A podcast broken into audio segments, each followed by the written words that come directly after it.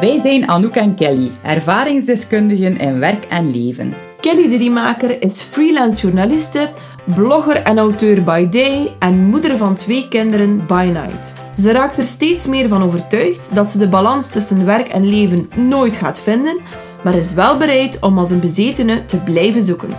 Anouk Meijer is copywriter, contentcoach en seriële ondernemer. Deze moeder van twee is feminist tot in de kist en richt de productiviteitshacks en experimenten op dagelijkse basis aan elkaar.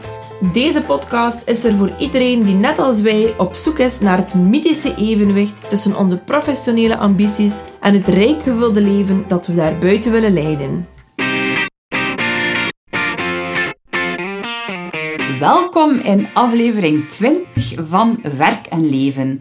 Dat is meteen de laatste van dit seizoen. Wuk! Ja, we gaan er eventjes tussenuit voor een zomerstop. En laat ons eerlijk zijn, dat is vooral omdat we het gevoel hebben dat we dringend eventjes moeten herbronnen. Ja, het is allemaal een beetje opgedroogd bij Ja, mij. ja, bij dat kan gebeuren. ja, dat kan gebeuren. Soms zijn, sommige periodes zijn droger dan andere Eh, periodes. voilà, en dit is is, er eentje. Ja. Eh, nu, we zouden het wel super fijn vinden mochten jullie ons in de tussentijd bombarderen met vragen, eventueel suggesties voor episodes en thema's voor ons volgende seizoen. Want het is niet omdat we op zomerstop gaan dat we daarna niet keihard willen terugkeren, Maar natuurlijk. dat, het wordt de max. En ook in het derde seizoen, gastjes, willen we geen enkel taboe uit de weg gaan. Dus stuur al jullie bedenkingen, mails, bezorgdheden en suggesties naar sos.werkenleven.org.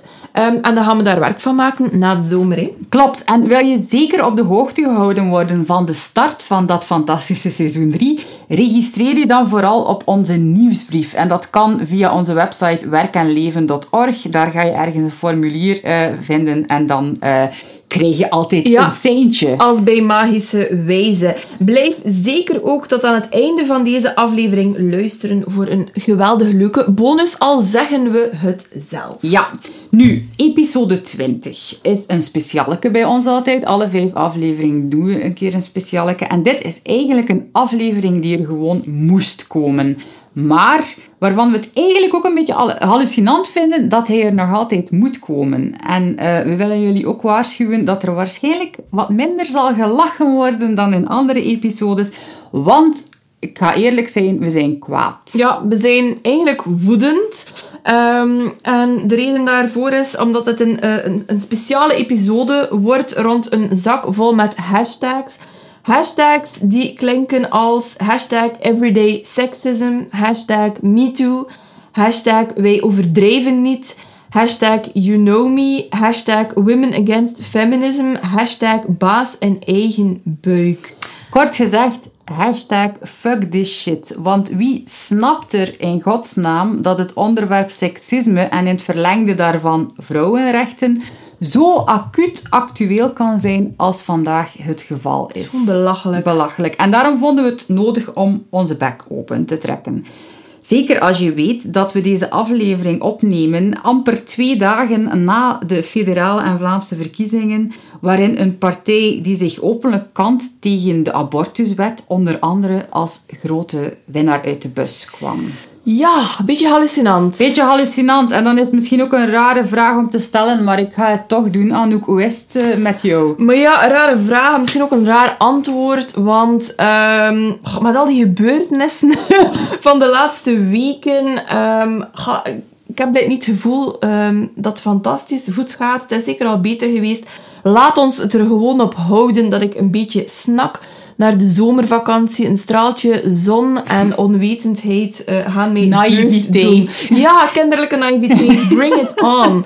Eh, ik heb de indruk dat je dat misschien ook wel zou kunnen gebruiken, Kelly. Ja, ja, ik zal ook maar heel eerlijk zijn. Ik zou kunnen zeggen, alles gaat fantastisch, maar het is ook niet echt het geval. Ehm, al was het maar omdat mijn lieve oma gisteren Oh. overleden is. Ehm, en los daarvan loopt er ook nog een keer van alles scheef in de organisatie van de vakantieopvang deze zomer.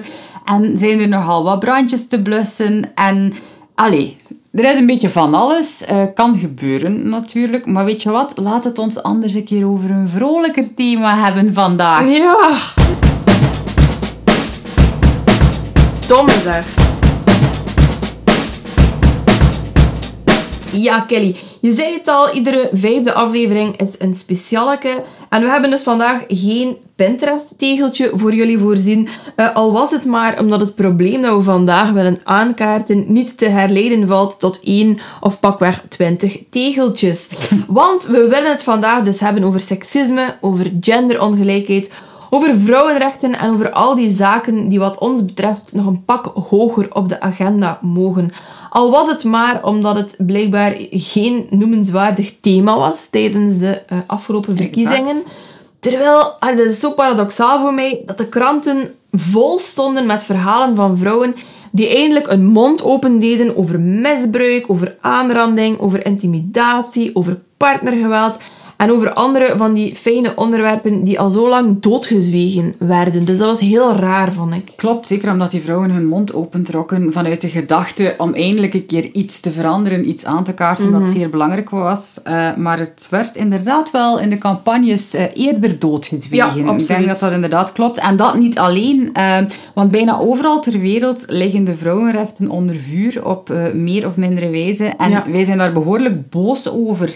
En bleek dat we daar niet alleen in staan, want we hebben een oproep gedaan uh, vorige week naar jullie, onze luisteraars. We hebben jullie gevraagd om jullie verhalen over dit onderwerp met ons te delen. En onze mailbox stond roodgroeiend, ja, uh, we kregen heel wat verhalen binnen over seksisme op het werk het onveiligheidsgevoel waar heel veel van ons uh, mee kampen, stereotype rolpatronen ook en ook verhalen over aanranding en allerhande vormen van betutteling. Ja, en laat ons misschien een keer gewoon een paar dingen plukken uit die mails, weliswaar uh, op anonieme wijze, wat dat eigenlijk op zich al uh, erg is. Zo kregen we bijvoorbeeld een mail van een architecte die regelmatig de vraag krijgt als ze uitleg geeft aan klanten of potentiële klanten Ehm, waar de architect eigenlijk is. Ze vragen dan, ja, waar zit meneer hier? Ah ja, want een vrouwelijke architect stel je voor, kan uh, dat niet, is compleet uh, onmogelijk. Nu, we kregen ook mails van vrouwen die het ene oneerbare voorstel na het andere kregen en dan ook nog een keer het gevoel hebben dat ze die alleen maar kunnen of mogen weglachen, omdat ze bijvoorbeeld als receptioniste vriendelijk en professioneel moeten blijven. En er was van alles. He. De, de vele mails van vrouwen die door auto's gevolgd worden, uh, die mannen zichzelf zagen bevredigen aan het stoplicht. Uh, die uh, vreemde vragen kregen of, mhm. of moesten nadenken systematisch over de veiligste weg naar hun auto met de sleutel in aanvalspositie. Ja, iedereen herkent dat. Denk ja, ja, ja, ik denk dat ook. Um, ja. Nu, ik kan trouwens ook uit ervaring uh, meespreken. Ik heb echt uh, meerdere keren ook dergelijke dingen zelf meegemaakt. Waaronder één keer dat ik nooit ga vergeten, dat was gewoon in de trein op klaarlichte dag uh, met allemaal mensen mm rondom mij. En er zat zo echt een creep naast mij. Die zo zijn hand op de zetel legde. En altijd een beetje dichter met die hand kwam. Zo. Mm Totdat ik op een gegeven moment die mensen zijn hand vastgenomen heb. Daarop geslaan heb. Een soort pure fight or flight reflex. en echt, ik weet niet hoe luid voor heel die wagen zei En nu ga je godverdomme van me blijven. en ik ben dan weggelopen. Ik had een rode kop. Ik was, ik weet niet gegeneerd. En iedereen rondom mij, die keek gewoon allee, zo van, allee, nul reactie. Niemand die ik vroeg van, ça va, is alles oké? Nee, allee, dat, dat bleef mij echt uh, bij. Ja, het erge is denk ik dat, dat zo goed als elke vrouw wel een lijstje met dergelijke incidenten kan uh, voorleggen. Um, en dan zijn er nog andere mails die dat we kregen. Ja, want het gaat niet alleen over, over allee, aanranding nee, of, of, intimidatie. Um, het, het, gaat ook over hey, die, die ingebakken rolpatronen. Mhm. Er was een uh, luisteraar die ons mailde en zij zei, en wij herkenden dat alle twee, denk ik, Kelly. Ik ken persoonlijk geen enkel, en dat was onderstreept, hetero gezin, waar het niet de moeder is die plant en organiseert, de doktersafspraken en de babysits regelt, de verjaardagstractaties bedenkt, feestjes regelt, inschrijft voor opvang, hobby's en kampjes, de kleertjes, de brooddozen koopt, de hele verantwoordelijkheid voor het op het juiste moment op de juiste plaats staan met de juiste spullen van alle gezinsleden. Mijn god. Wat een mental load ja, is dat. dat gaat inderdaad over die mental load. De dingen die er allemaal nog bij komen. Nu, het feit dat het ons allemaal niet zo heel erg verbaasde, is misschien nog het meest verbazingwekkende van allemaal. Je zou het bijna een feest van herkenbaarheid kunnen noemen, waren het niet dat het een bijzonder tragisch feest is. Ja, het was niet echt uh, party mode als we dat allemaal binnenkregen. Ehm, er waren nog dingen, nee, bijvoorbeeld mails uh, van luisteraars die vertellen, ja, iedere keer dat ik ga solliciteren, wordt er wel op meer of minder subtiele wijze gepolst naar uh, bijvoorbeeld onze kinderwens. Ja. En ook dat deed bij mij een belletje rinkelen. Ik weet nog, als ik uh, zwanger was voor het eerst en ik vertelde dus aan mijn baas Um, van ja, kijk, hasjes, ik ben hier zwanger. Um, ik denk dat hij heel snel even proficiat stamelde en dan de volgende vraag was: Are you going to continue to be a lawyer? Wel, ik dacht dat ik van mijn rolstoel, uh, rolstoel, van mijn bureaustoel, van mijn bureaustoel ging, ging vallen van pure consternatie. En het lag niet aan de bekkeninstabiliteit. um, allee, mijn mannelijke collega, die, die in de bureau naast mij zat, die werd in die periode ook vader. En die heeft die maar waar, waarschijnlijk niet die heeft die vraag nooit gekregen. Onwaarschijnlijk. Godverdomme zeg.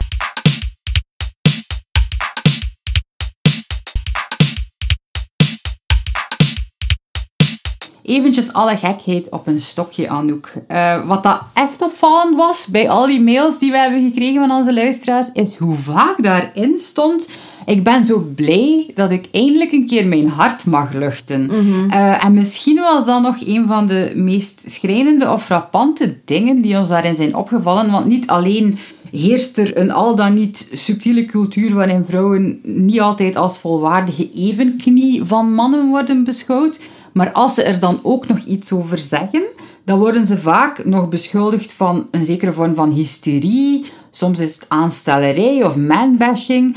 En heel vaak zijn ze bang dat ze niet serieus zullen genomen worden. En dat alleen al maakt het zoveel moeilijker om het probleem aan te pakken.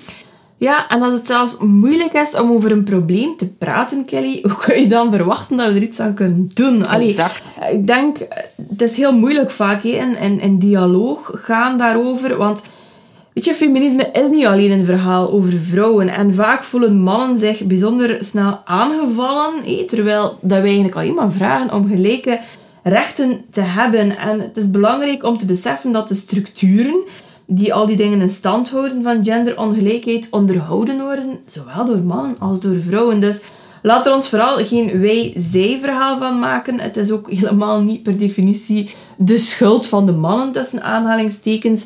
Uh, dat moeten we ook durven onder ogen zien. Klopt, want het, ik denk niet dat dat wij-zij-verhaal ons ook maar een Nee. metertje vooruit helpt. Terwijl het probleem wel bijzonder belangrijk is en op dit moment ook behoorlijk acuut. Mhm. Dus eh, we hebben er eigenlijk allemaal belang bij om het bespreekbaar te maken. Absoluut. En eh, ik vind het zelf ook heel belangrijk om hier de nuance te maken eh, dat het zowel onze zonen als onze dochters aanbelangt. Ehm, al was het maar omdat het bijvoorbeeld ook draait rond onze reproductieve rechten, ons recht om ons voor te planten, al dan niet. Eh, en eigenlijk ook hoe dat die over de hele wereld onder druk komen te staan. Ja, want er is consternatie alom als er in Georgia of Alabama beknibbeld wordt op het abortusrecht. hé, En een poging om Roe versus Wade eh, omver te werpen. Maar laat ons vooral niet denken dat we hier in Europa eh, noodzakelijk eh, gebeiteld zitten of Nee. de moral high ground betreden. Of zoveel beter af zijn als je denkt aan de uitspraken van eh, de keurige man in het maatpak Thierry Baudet. Eh, of nog dichter bij huis, het partijprogramma van Vlaams Belang. Dan, dan heb ik soms echt oprecht eh, schrik voor, voor wat er ons nog allemaal te wachten staat. Absoluut, en ik denk dat jij lang niet de enige bent. Nu, laat mij anders eventjes citeren eh, Ja. voor iedereen die misschien eh, afgelopen zondag een, een zogenaamde proteststem heeft uitgebracht, maar misschien niet helemaal op de hoogte is van eh, het programma van dat Vlaams Belang. Dit komt rechtstreeks van op hun website en ik ga even de, het citaat openen, dat jullie weten dat het dus vandaar komt en niet van mij, mochten jullie daaraan twijfelen. Het blijft onaanvaardbaar dat abortus verworven is, en luister nu heel goed, tot een banale ingreep. Say what? Yes, wij blijven van mening dat de rechtsstaat in de eerste plaats de zwaksten moet beschermen en daartoe behoort zonder twijfel ook het ongeboren kind. Sluit het citaat. Ehm, ik stel voor dat jullie dat allemaal eventjes tot jullie laten uh, doordringen, beste luisteraars, wat dat impliceert vooral. Even uh, laten marineren, die handel. Ja. Uh, besef vooral, ik denk dat dat misschien wel nog het belangrijkste is, dat je een verworven recht nooit als, als vanzelfsprekend uh, moet beschouwen. Of dat dan nu gaat over stemrecht of reproductieve rechten. Uh, het is niet omdat wij als maatschappij al stappen hebben gezet in een bepaalde richting, um, dat er niet opnieuw dingen kunnen in vraag gesteld worden of zelfs ontnomen worden. En ik, ik moet on, onwillekeurig denken aan uh, Margaret Atwood in het schitterende um, The Handmaid's Tale. Um, er, er zijn wel degelijk momenten waarop dat de, de realiteit, spijtig genoeg, de, de fictie bijna overtreft. Ja, en het is uh, ongelooflijk hoe dat, dat ineens dan weer aan de orde is en dat je dan inderdaad denkt van het is toch ongelooflijk dat wij in 2019 nog deze discussie aan het voeren zijn of opnieuw aan het voeren zijn. Ja, toen mij denk aan die foto's van die madamekes van zo hey, oma's of bomma's mm -hmm. met zo van die pamfletten van I can't believe I'm still protesting this shit. Wij kunnen het ook amper geloven. En inderdaad, de Handmaid's Tale leek iets, uh, iets fictiefs, maar, maar het komt zo dichtbij bij momenten dat, ja. we, dat we het amper, amper kunnen geloven ja, soms. ik heb een vaak ja. daarvan. En dan uh, moeten we het misschien ook nog even durven hebben over wat er bijvoorbeeld met uh, Julie van Espen is gebeurd. Mm -hmm. Er is zoveel geweld tegen vrouwen, zowel verbaal als fysiek, dat het compleet onfair is om om het af te doen als louter uh, gevallen waarin dat in enkeling de pedalen is kwijtgeraakt. Ja. In een rapport van de VN uh, over geweld tegen vrouwen staat uh, zwart op wit dat individuele gedragingen en persoonlijke omstandigheden, als je daar louter en alleen op focust, dat je dan voorbij gaat aan de bredere impact van systemische genderongelijkheid en onderdrukking van vrouwen. En vergeef ons misschien eventjes deze academische detour, maar het is zo een belangrijk punt om te maken.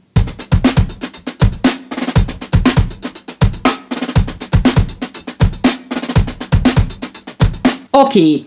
Geen onbelangrijke vraag, denk ik, eh, ah. voor deze aflevering. Wat kunnen we dan doen? Yes. Want het zit er zo ingebakken dat vrouwen die kwaad zijn, dat niet eens mogen uiten.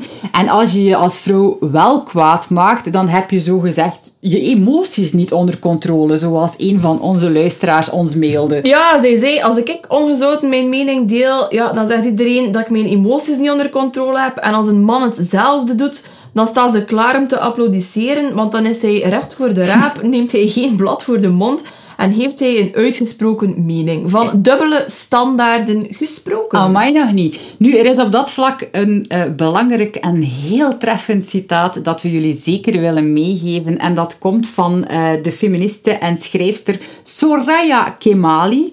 Zij zegt: Wees woest, want alleen dan kunnen vrouwen hun positie verbeteren. Ja, zij gaat er prat op in haar laatste boek dat we onze woede niet langer moeten opkroppen, maar dat we ze moeten gebruiken als een kracht voor verandering. Onze woede, dat is eigenlijk een zesde zintuig voor onrecht. En het is pas als we gaan verbinden met andere vrouwen die ook ziedend van woede zijn, dat we echt uh, impact kunnen hebben, dat we dingen kunnen gaan veranderen. Ik denk dat ze daar een zeer belangrijk punt She has a point. maakt. Klopt. Nu, Anouk, hoe vaak hoor jij zelf kritiek op jouw feministische uitlatingen? Ja, nogal veel. Ik denk allee, wekelijks minimum, ja, schering en inslag. Ja, en, en snap jij dat dat er kan voor zorgen dat we dan maar liever onze mond houden? Ja, dat is natuurlijk zeer oncomfortabel. Ik had over laatst een discussie nog um, met een, een vriend van mij uh, over uh, gender inequality. Um, waarin dat hij eigenlijk, ja, die voelde zich zeer aangevallen. En um, ja, sommigen van jullie weten dat, anderen niet. Ik heb ooit nog uh, Sok gedaan en mijn thesis ging toen over gender. Dus ik heb echt wel redelijk wat allee, moet ik het zeggen, wetenschappelijk onderzoek gedaan naar de kwestie. Dus ik wist echt wel in, in dat geval precies waar ik het over had. Dat was niet gebaseerd op gebakken lucht. En toch bleef hij dat afstrijden. En ik heb daarvan, ik zei het, ik heb daarvan wakker gelegen die nacht. Ehm, en ik ben dan al iemand die daarin vrij sterk in haar schoenen eh, Mhm. staat. Dus ik kan mij heel goed voorstellen ehm, dat andere vrouwen heel snel denken van ja, laat het al maar Mhm. zitten. Ja, voilà. Ik, ik herken het zelf ook, want ik ben, en ik denk dat ik voor heel veel van onze luisteraars ook zal spreken, eh, behoorlijk conflictvermijdend opgevoed. En dat is natuurlijk iets dat het niet gemakkelijk maakt om altijd weer dat conflict aan te gaan en op te zoeken. eh, Terwijl het denk ik extreem belangrijk is in dit verhaal. Je mond opentrekken is hier behoorlijk essentieel. En dat is ook iets dat we heel graag willen stimule- stimuleren met deze aflevering. Eh, hoe doe je dat volgens, volgens jou, Anouk? Ja, ik denk, er zijn verschillende mogelijkheden, dat is niet zo gemakkelijk, maar het eerste wat je kunt doen is gewoon alert zijn voor onrechtvaardige ehm, situaties. Zorgen als je dingen ziet dat je ze durft benoemen, op je strepen gaan staan, grenzen stellen. Maar ook als je ziet dat er iemand anders iets overkomt, ehm, opkomen voor elkaar en, en eh, mensen erop aanspreken, eh, luisteren naar elkaar en, ik weet niet, hè, eh, het juiste bolletje kleuren. Je stemmen voor de goeie. ja, als je in een stemhokje staat. Ja, zeer belangrijk. Nu, wat dat volgens ons nog zo belangrijk is, is dat je je informeert en erover leest, dat je een beetje in gaat lezen. Ja. Want hoe meer je weet, hoe sterker je volgens ons ook staat. Onlangs las ik ergens het citaat Women who lead, read. En dat is iets dat wij allebei echt geloven. Eh, om die reden hebben we ook een, een leeslijst gemaakt die bij deze aflevering hoort. En eh, op die manier weten jullie, als wij eventjes een pauze nemen van de zomer, perfect wat dat jullie allemaal moeten lezen. Yes. Nu, op die lijst ga je stuk voor stuk boeken, artikels en links terugvinden die wij essentieel vinden in dit verhaal. Absoluut. Nu, misschien nog één iets dat ik wil toevoegen eh, voordat we gaan afsluiten, Kelly. We hebben het al veel gehad in de podcast over het thema zelfzorg.